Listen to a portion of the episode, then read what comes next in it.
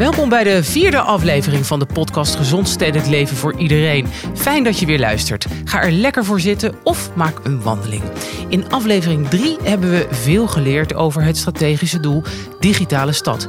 En wat voor kansen en uitdagingen digitalisering brengt. In deze aflevering bespreken we het strategische doel Veerkracht en gelijke kansen. Ik heb weer twee gasten in de studio die alles weten over dit strategische doel. Hoe zorgen we dat Utrechters gelijke kansen hebben en veerkrachtig in het leven staan? Hoe voorkomen we dat er grote verschillen ontstaan tussen mensen? En wist je dat de eerste duizend dagen van een kind bepalend zijn voor de kans op een gezond leven? Ik heb dus veel vragen. Maar gelukkig is Bart Andriessen, directeur Volksgezondheid en strategisch adviseur Marion van der Leer aanwezig. Zij kunnen mij daar alles over vertellen. Ik ga ook weer bellen met iemand in de stad. Dit keer met Benno van der Maten. Hij werkt bij Oog voor Utrecht. Deze organisatie werkt onder andere aan het tegengaan van eenzaamheid onder ouderen. Belangrijk, want eenzaamheid heeft grote impact op het geluk en de gezondheid van mensen. En onze razende reporter Loekie is even op vakantie, maar gelukkig neemt collega Orion Daalhuis hem waar. Orion gaat op bezoek bij Nutrecht, een organisatie die zich inzet voor talentontwikkeling van jongeren. Welkom eh, Bart en Marion, fijn dat jullie er zijn. Dankjewel. Ja, leuk om hier te zijn. Uh, Bart, in ons voorgesprek vertelde je dat je al 21 jaar voor de gemeente werkt. Zijn de verschillen in kansengelijkheid de afgelopen jaren nou toe of afgenomen? Oeh, dat is een gewetensvraag. Nou, we werken natuurlijk heel hard aan gelijke kansen voor alle Utrechters. Maar zeker nu we een coronacrisis gehad hebben, durf ik niet te zeggen dat die kansen gelijker zijn geworden, helaas. Moet ik wel zeggen, je weet natuurlijk niet wat er gebeurd zou zijn eh, als we niks hadden gedaan. Want er is ontzettend veel gebeurd in die jaren. Maar ik durf niet te zeggen dat we echt al succesvol zijn in het gelijker maken van de kansen voor alle Utrechters. Ja, want, want hoe kijken we eigenlijk naar gelijke kansen? Moet uh, alle, uh, alles voor iedereen gelijk zijn? En moet iedereen een gelijke startpositie hebben? Of moet iedereen hetzelfde kunnen krijgen? Wat is dat, ehm, gelijke kansen? Ja, volgens mij gaat het niet om dat iedereen dezelfde uitkomst heeft. Hè. We hebben een maatschappij met heel veel verschillen en die koesteren we ook. Maar we willen wel eigenlijk dat iedereen een gelijke kans heeft om iets van zijn leven te maken en om gezond te kunnen opgroeien. En die, die, die startpositie, die is eigenlijk al vanaf de geboorte voor veel uh, kinderen uh, niet gelijk. En in de rest van het leven gebeurt er helaas ook nog het nodige. Vaak ook dingen waar je niets aan kunt doen, waardoor die verschillen alleen maar groter worden. Want hoe is het nu in Utrecht als we nu kijken naar nou, ik zeg, de kansengelijkheid van de Utrechter? Eh, is het dan overal in de stad hetzelfde verhaal? Zien we grote verschillen? Ja, we zien, we zien grote verschillen. Uh, gemiddeld genomen gaat het best wel heel goed met de Utrechter. Maar we zien bij bepaalde groepen en in bepaalde wijken en buurten dat er toch wel hele grote verschillen zijn. Het bekendste voorbeeld is het befaamde tunneltje tussen Tuindorp en Overvecht. Als je dat tunneltje doorloopt van Tuindorp naar Overvecht, verlies je 11 jaar in gezonde levensverwachting. Jeetje, ja. Dus dat is natuurlijk niet letterlijk zo. Hè? Dit is geen gevaarlijk tunneltje. Maar je snapt uh, wat ik bedoel. Hè? Ja. De, de kans op een. Uh, op een uh, of, of je levensverwachting is dan met elf jaar afgenomen. Ja. Dat is het verschil tussen die twee gebieden. Ja, ongelooflijk. Zeg, jullie, je zei het net al, en ik zei het in mijn inleiding ook al. Jullie richten je ook op jeugd en de kansrijke start, zoals dat dan heet. Ik begrijp dat je daar dus echt niet jong genoeg mee kan beginnen. Ja, dat klopt. Eigenlijk al voor de geboorte. Want de startpositie van kinderen wordt natuurlijk bepaald door waar hun wieg staat. En eigenlijk wil je dat niet, want dat kind kan er niks aan doen in welke wieg die geboren wordt. Maar we zien dat er toch wel forse verschillen zijn. Dat uh, bij bepaalde groepen en in bepaalde, op bepaalde plekken de kans om gezond te kunnen opgroeien kleiner is. En daarom hebben we een aanpak kansrijke start, of ook wel de eerste duizend dagen. Dat gaat dan eigenlijk van de conceptie totdat een kind twee is. Dat zijn ongeveer duizend dagen. En in die duizend dagen wordt eigenlijk bepaald uh, voor een groot gedeelte uh, wat de kans is op een gezond leven daarna.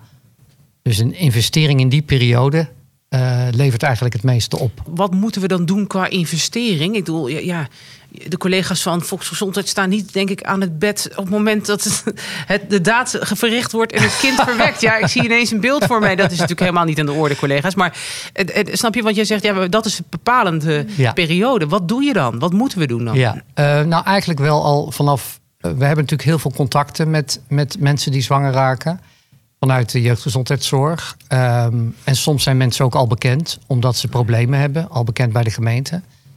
En wat we proberen is om al die professionals uh, die al rondom de geboorte uh, met ouders en kinderen werken, om die nog beter samen te laten werken om die ouders en kinderen het beste te geven. En dat gaat dan soms over zorg die met zwangerschap en geboorte te maken heeft. Maar het kan ook over onderliggende problemen gaan. Dus is er sprake van schulden? Zijn er huisvestingsproblemen? Of, of isolement, eenzaamheid of andere uh, zaken waar we al op hele jonge leeftijd iets aan kunnen doen. Mooi. Marion, uh, jij zet je in voor wat heet de sociale basis van Utrechters. Wat is dat, de sociale basis? Ja, dat is een hele goede vraag. En fijn dat ik het mag uh, toelichten.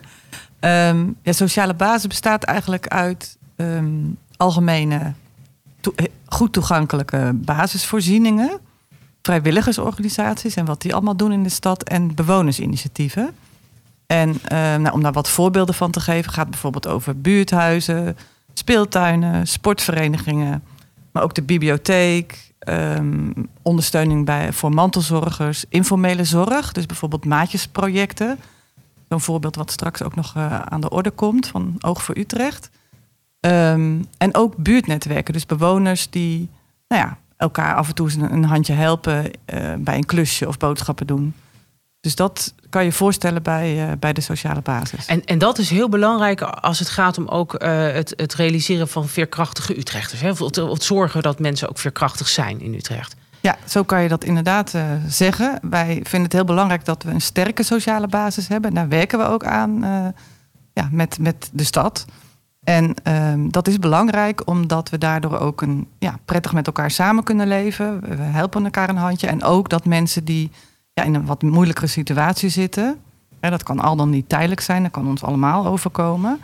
Dat die ook een steuntje in de rug krijgen, waardoor ze gewoon ja, mee kunnen doen. En dat maakt het eigenlijk bij elkaar een veerkrachtige samenleving. Ja, en nou heb ik toch altijd geleerd en ook in eerdere podcasts gehoord dat wij in Utrecht het ook best wel heel goed doen als het gaat om naar elkaar omkijken. Het aantal vrijwilligers is echt hoog. Doen wij het beter dan andere steden wat dat betreft?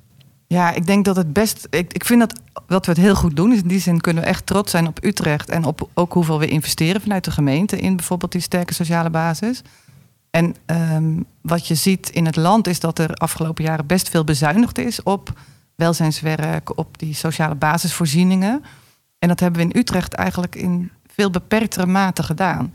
Dus dat betekent ook dat de ondersteuning in die sociale basis ja, best goed op peil is gebleven. En we hebben ook heel veel Utrechters die ja, graag iets voor een ander willen doen en iets voor een ander willen betekenen. Mooi om te horen. Zeg, maar, maar toch is, er, is, het een, is het een aandachtsgebied. Ik wil misschien niet meteen zeggen dat het een probleem is, hè, want dan is het ook meteen uh, heel groot. Maar, maar hoeveel heb je, kan je iets aangeven over hoeveel Utrechters er toch uh, minder kansen hebben dan uh, anderen, hè, die dus toch echt wel die extra steun nodig hebben? Zo, dat vind ik wel een moeilijke vraag. Hoeveel oh, Utrechters dat zijn? Nou ja, is dat een groot probleem of valt het wel mee? Ja, eigenlijk wat Bart net ook al aangaf. Hè. Utrecht is op zich een, een, een, ja, een vrij rijke stad, zou je kunnen zeggen. Veel hoogopgeleide mensen. Maar je hebt ook gebieden en ook ja, groepen uh, mensen die het wat moeilijker hebben. En dat kan te maken hebben met armoede, maar ook met bijvoorbeeld ja, ouderen die toch wat meer beperkingen krijgen. Of mensen sowieso met een beperking, psychisch of een verstandelijke beperking. Dus die groepen hebben wij ook zeker in Utrecht. Uh, zeg, als ambtenaar wil je natuurlijk graag het verschil maken in de samenleving. Hè? Uh, en zeker denk ik ook in dit uh, werk wat jij doet, Marion. Hè? Wat natuurlijk zo dicht bij, bij mensen ook komt. waar ben je eigenlijk zelf het meest terug trots op als je naar je werk kijkt? Ja, ik ben heel trots op nou ja, dat we dus voor elkaar krijgen om toch zoveel te investeren in de sociale basis. Dat dat niet, uh, ja, wat ik net al zei, niet bezuinigd is. Dat we ook toch weten, met, samen met onze partners. We hebben heel veel um, ja, partners, organisaties die zich inzetten voor, uh, voor de stad. En dat doen ze allemaal met enorm enthousiasme en inspiratie. We hebben een heel groot netwerk ook om de eenzaamheid aan te pakken in de stad. Dat heet Utrecht Omarmd. Er zijn meer dan 100 partijen die zich echt ook samen in willen zetten. Ook bijvoorbeeld de NS. Er zijn allerlei verschillende partners, maar ook welzijns- en zorgorganisaties. Nou, dat vind ik wel echt heel, heel mooi dat we dat, uh, dat we dat voor elkaar krijgen. Nou, ik kan kan me voorstellen dat je daar trots op bent als je geen netwerk van mensen om je heen hebt uh, en die naar je omkijken, loert inderdaad de eenzaamheid. Jij zei het net al, Marion. En eenzaamheid heeft een grote impact op iemands geluksgevoel en gezondheid. Benno van der Maten van Oog voor Utrecht doet er alles aan om eenzaamheid onder ouderen terug te dringen. Ik ga met hem bellen en kijken hoe hij dat doet. Benno, fijn eh, dat je bij ons aan de telefoon bent. Wat doe jij eigenlijk bij Oog voor Utrecht? Ik ben uh, bestuurslid bij voor Utrecht en dat doe ik op vrijwillige basis. En als bestuurslid onder, ondersteun ik uh, Noortje Roosma, die initiatiefnemer van dit project is, om eenzaamheid voor ouderen in de wijk zeg maar, terug te dringen. Dus jullie focus ligt ook echt op eenzaamheid voor ouderen? Ja, het bestrijden van eenzaamheid voor ouderen. En dat doen we op een aantal manieren. Zeg maar door, door lokale uh, ontmoetingscentra te organiseren en uh, initiatieven in ontmoeting van ouderen met, met en voor en door de wijk uh, lokaal te organiseren, zeg maar. En dat doen we op het ogenblik al op een drietal plekken in de, in de wijk. Twee in Zuiden en één in Ondiep. En daar kunnen ouderen elkaar ontmoeten en activiteiten ontplooien. En met dat idee om eenzaamheid te bestrijden en ook om mantelzorg te ontlasten van mensen die nou ja, eenzaam zijn en die bijvoorbeeld thuis zitten met een partner, zodat ze er ook eens uit kunnen, ook de mantelzorg. Ja, want Benno, jij doet dit gewoon in je, in je vrije tijd. Hè? Je, ik begreep dat jij gewoon een fulltime baan hebt en dit ernaast doet. Dat is ja, correct. Ik ben, ik, ben, ik ben gewoon vrijwilliger bestuurder, vrijwillig, onbezoldigd zeg maar. Uh, doe ik dit ernaast. Dus uh, nooit initiatiefneemster die met vrijwilligers zeg maar, een aantal dagdelen in de week uh, dat initiatief doet op een aantal locaties, maar ook in een soort maatjesproject. Waarbij ze zeg maar, vrijwilligers koppelt aan ouderen en uh, zo één op één met die koppels zorgt dat mensen elkaar kunnen ontmoeten en op die manier eenzaamheid bestrijden. Dat, dat gebeurt in het maatjesproject. En met de inloop op drie locaties organiseert ze uh, ontmoetingen zeg maar, tussen ouderen. Mooi. En wij als bestuur zijn zeg maar, betrokken om mee te denken over hoe dit te organiseren en in, in kijken onder welke randvoorwaarden dat kan, zeg maar. Ja, zeg, uh, hoeveel uh, ouderen zijn inmiddels uh, bij uh, Oog voor Utrecht betrokken? Of hoeveel vrijwilligers? Nou, er, er, zijn verschillende locaties, zeg maar. Er is een locatie in Zuilen, Elinkwijk. Er is een locatie in Ondiep. En er is een nieuwe locatie in Zuilen op de Zwezeneng. Dat heet de Zwees. Dat is een gebouw, een wooncomplex van Mitros moet ik zeggen, ik denk dat er in Ondiep, maar correct niet van, ja, als ik het misschien niet helemaal, ik denk dat er in Zuilen misschien 20, 30 mensen zijn, eh, Ondiep ook zoiets. Um, en de, de Zwees in Zuilen moet nog starten, dus dat is niet helemaal duidelijk hoe dat uh, zijn. Um, en daarnaast is er nog het oogcontactproject waarin, wat ik zei, ouderen aan maatjes gekoppeld worden. Dat zijn vaak jonge mensen. Het idee is zeg maar dat je jou jong en oud koppelt uh, uit de wijk met de wijk. Zeg maar. Dus oude uitwijk met andere bewoners in de wijk. Ja. Vrijwilligers. Eh, zeg Benno, wat, jij bent natuurlijk als bestuurslid, uh, uh, zie je dat misschien ook wel veel, maar wat betekent e-, eenzaamheid voor mensen? Wat voor impact heeft dat? Nou ja, eenzaamheid heeft gevolgen voor mensen psychisch en lichamelijk welbevinden, zeg maar. Dus op, mensen dat, op het moment dat mensen elkaar kunnen ontmoeten, activiteiten kunnen ontplooien en in contact komen met ouderen, met de vrijwilliger ook, maar met andere ouderen, is dat goed voor hun lichamelijke en mentale gezondheid. En Mensen kunnen daardoor ook zo langer zelf redzaam blijven en zelfstandig blijven wonen.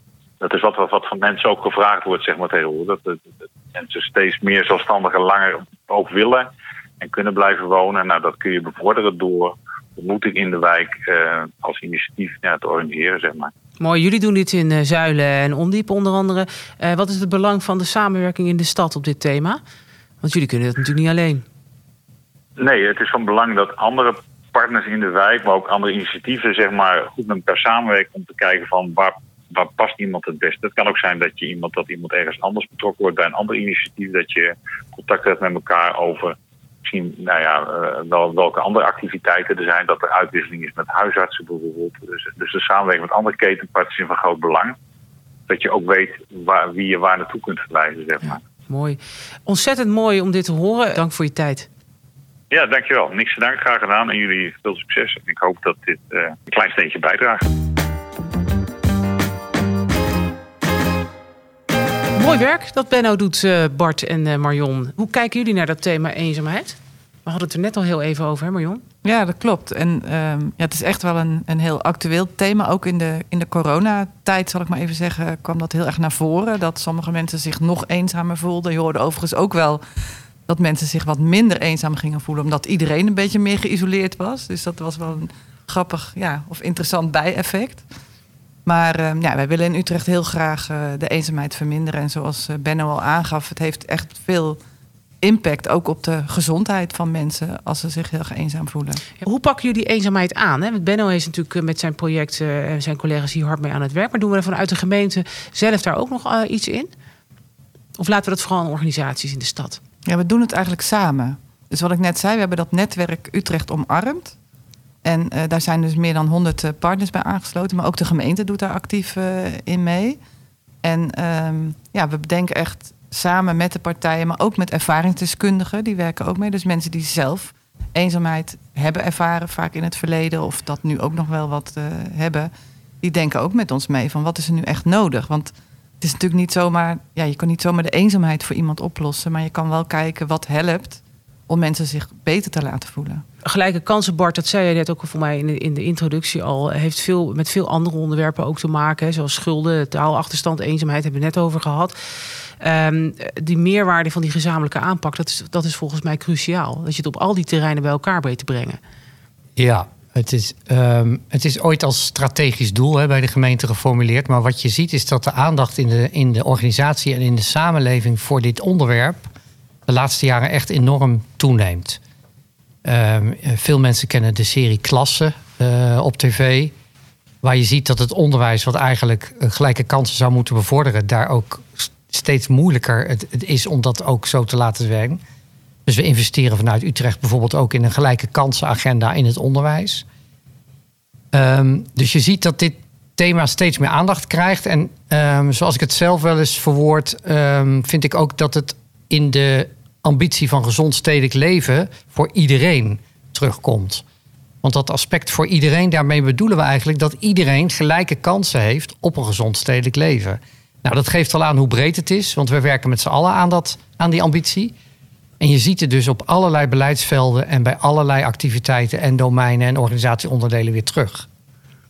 Dus voor mij is het niet eens meer eigenlijk een strategisch doel, maar bijna een hoger liggende waarde waar we met z'n allen aan werken. Als we het over gelijke kansen hebben, moeten we inderdaad dus toch erkennen dat we eh, nog niet voor iedereen eh, dat hebben kunnen organiseren en die kansen niet voor iedereen gelijk zijn.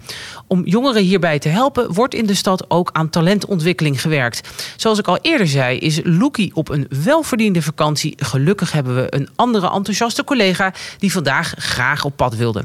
Orion Daalhuizen is op bezoek bij het nieuwe pand van Nutrecht, dat vanaf september een doorstart gaat maken. Oprichter Ad de Jong vertelt over talentontwikkeling bij jongeren en hoe Nutrecht ze die kans geeft. Orion, waar ben je eigenlijk in de stad? Hoi Anneke, ik sta nu op de Mississippi-dreef en uh, dat was nog wel even zoeken met uh, twee keer de dubbel S en de dubbel P van Mississippi. Maar het is gelukt en uh, ik sta hier nu voor een, voor een oud kantoorpand lijkt het eigenlijk wel. En ik, nou, ik ben benieuwd hoe het hier zo meteen binnen uitziet, want dit wordt de nieuwe plek voor Nutrecht. Jullie hebben vast al wel eens gehoord over Utrecht, maar wat gebeurt daar nou precies? Ik heb begrepen dat het onder andere over talentontwikkeling gaat bij jongeren. En daarover spreek ik vandaag met oprichter Ad de Jong. Ad is een drummer, dus uh, volgens mij als ik het geluid volg wat ik nu hoor, dan uh, kom ik vanzelf bij hem terecht.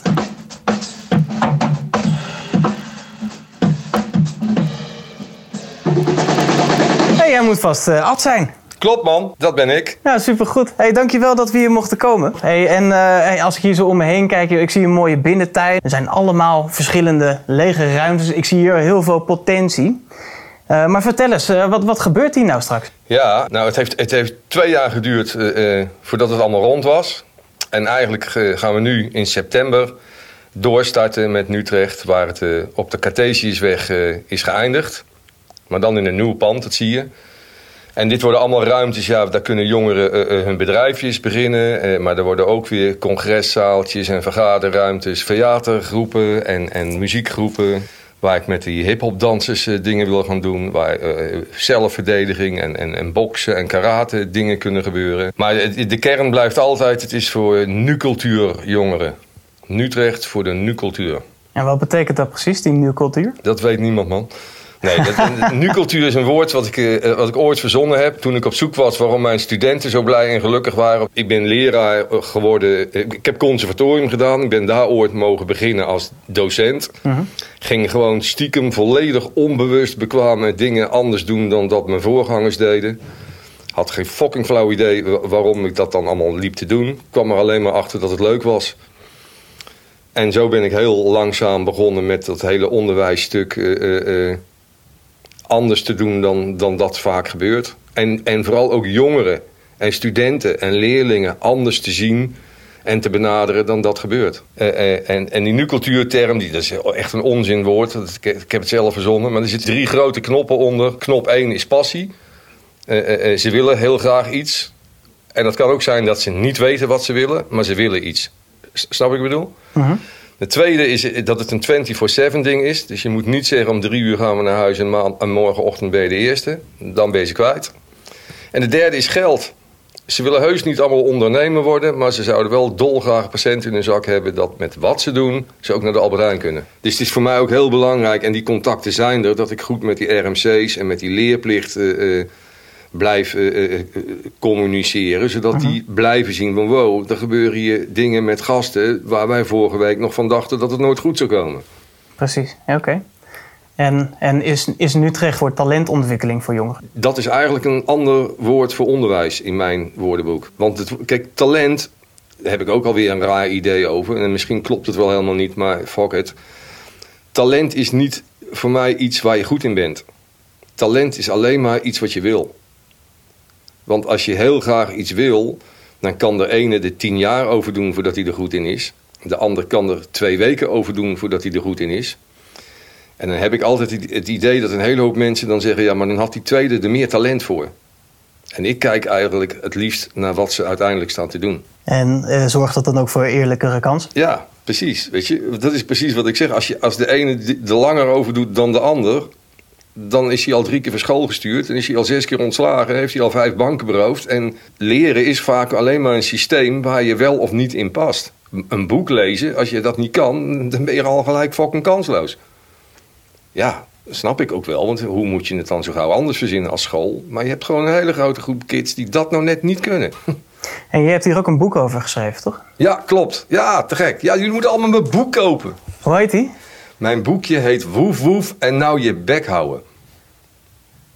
Ja. Oké. Eh, niet helemaal wat ik had verwacht. En, en, en daar geef je eigenlijk deze lessen ook een beetje mee. Ja, man. Ik ga het boek ook maar eens bestellen.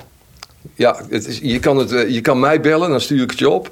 Maar je kan het ook bij bol.com eh, bestellen. Dan verdien ik er helemaal geen kut aan. Ah, oké. Nee, nee, zo, nee, precies. Ad, hartelijk bedankt voor jouw verhaal.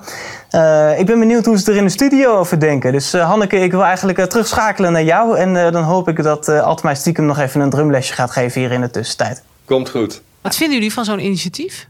Nou ja, ik vind het sowieso heel erg leuk om te zien wat een energie er dan weer in de stad zit. Zo'n zo jongen is natuurlijk geweldig bezig. enorme energie straalt hij uit. Dat vind ik op zich al mooi. En volgens mij, ja, we kunnen alleen maar, uh, zeg maar werken aan gelijke kansen of aan eenzaamheid of wat dan ook. Als we het samen met de mensen in de stad doen. En daar is hij volgens mij een goed voorbeeld van. Ja, hij neemt dan ook wat initiatief daartoe, Marion? Ja, nou ja, dat sluit ik me helemaal, helemaal bij aan. Het is hartstikke mooi dat iemand zo'n initiatief neemt. En ook vanuit zijn eigen praktijk. Hè. Hij vertelde ook, hij is leraar. Hij dacht, het moet anders. Dus uh, nou ja, hij weet ook wat er nodig is. En hij weet blijkbaar die jongeren ook uh, heel goed te bereiken. Dus dat is echt fantastisch. Mooi. Welke rol speelt de gemeente eigenlijk bij veerkracht en gelijke kansen onder jongeren? Ja, er komt van alles bij me boven. Kijk, zolang uh, jongeren nog op school zitten, hebben we een, een structuur. Hè. Dat heet, als gemeente geven we dat dan allemaal weer namen. Zoals een kernpartner aanpak. Maar dat gaat nou, erom. Ja, het jargon, daar is die weer. Dat, elke aflevering. zo werkt het nou eenmaal. Maar goed, dat is bedoeld om juist eh, kinderen op school waar het niet goed mee gaat, goed in de gaten te houden. En dan ook de juiste hulp en ondersteuning te kunnen bieden. Als dat nodig is. Hè. En er zijn ook weer allerlei partijen bij betrokken. Um, dus, dus dat is in elk geval voor kinderen die nog op school zitten. En als ze volwassen zijn, hebben we natuurlijk ook van allerlei dingen, hè Marion? Zeker. Ja, nou ja, we hebben bijvoorbeeld ook jongerenwerk in de stad. Die, die weten heel veel jongeren te bereiken. De gemeente nou ja, financiert het jongerenwerk. En ehm, wat wij natuurlijk ook doen, is dat we samenwerken met wat ik net al zei, met allerlei verschillende partners. En ook verbindingen leggen tussen partijen. Dus nou ja, dat zo'n Atter is bijvoorbeeld met zijn Utrecht. Nou, dat is ook heel goed dat, dat het jongerenwerk dat weet. Dus ik ik, ik, hoop dat ze het weten, maar anders ga ik het ze morgen vertellen. Ja, je moet even vertellen over onze ad. En, uh, ja, nou ja, maar dat, zijn natuurlijk, dat is wel ook wat we kunnen doen. En zo zijn er ook wel meer initiatieven in de stad, ook voor jongeren. Ja, mooi. Dus dat is heel mooi. Ja, ja je sociaal, want je sociale netwerk beïnvloedt natuurlijk ook welke kans je krijgt om je talenten te ontwikkelen, denk ik. Hè? Dat is misschien ook wel. Hè, we hadden het in het begin van de uitzending over de eerste duizend dagen van een van een ja, jong kind, zou ik maar zeggen. Maar ook in je verdere leven, zeker als jongere, als je je talenten wil ontwikkelen, ja, dan, moet je wel de kansen ervoor krijgen. En daar, Ja. daar, daar helpen al deze initiatieven natuurlijk wel mooi aan bij. Ja, en misschien ook nog wel een mooi voorbeeld is Taal Doet Meer. Dat is een eh, vrijwilligersorganisatie. En die eh, koppelen ook eh, mensen, vrijwilligers aan jongeren of, of volwassenen die de taal nog verder moeten leren. En nou, toevallig, ik ben zelf nu vrijwilliger voor een, voor een jongetje van negen met een Marokkaanse achtergrond. Daar was ik vanmiddag ook. En dat kostte best wel even tijd om daar goed contact mee op te bouwen. Want nou ja, hij heeft ook niet zoveel zin om echt zijn huiswerk te doen. Of, eh, nou, Echt een jongetje van en ik negen. ben natuurlijk ook best wel een oude vrouw. Dus dan had hij ook zoiets van, wat moet die oude vrouw hier?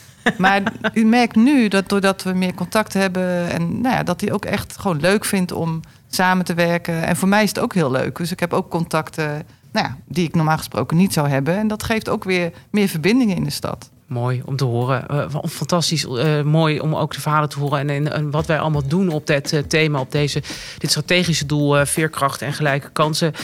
Bart en Marion, ik wil jullie heel hartelijk danken voor jullie aanwezigheid in de studio. En natuurlijk ook Benno en Orion voor hun bijdrages. En luisteraars, ik hoop dat jullie weer met veel plezier naar deze podcast over het strategische doel veerkracht en gelijke kansen hebben geluisterd. De volgende keer bespreken we het onderwerp duurzame mobiliteit voor iedereen. Tot dan!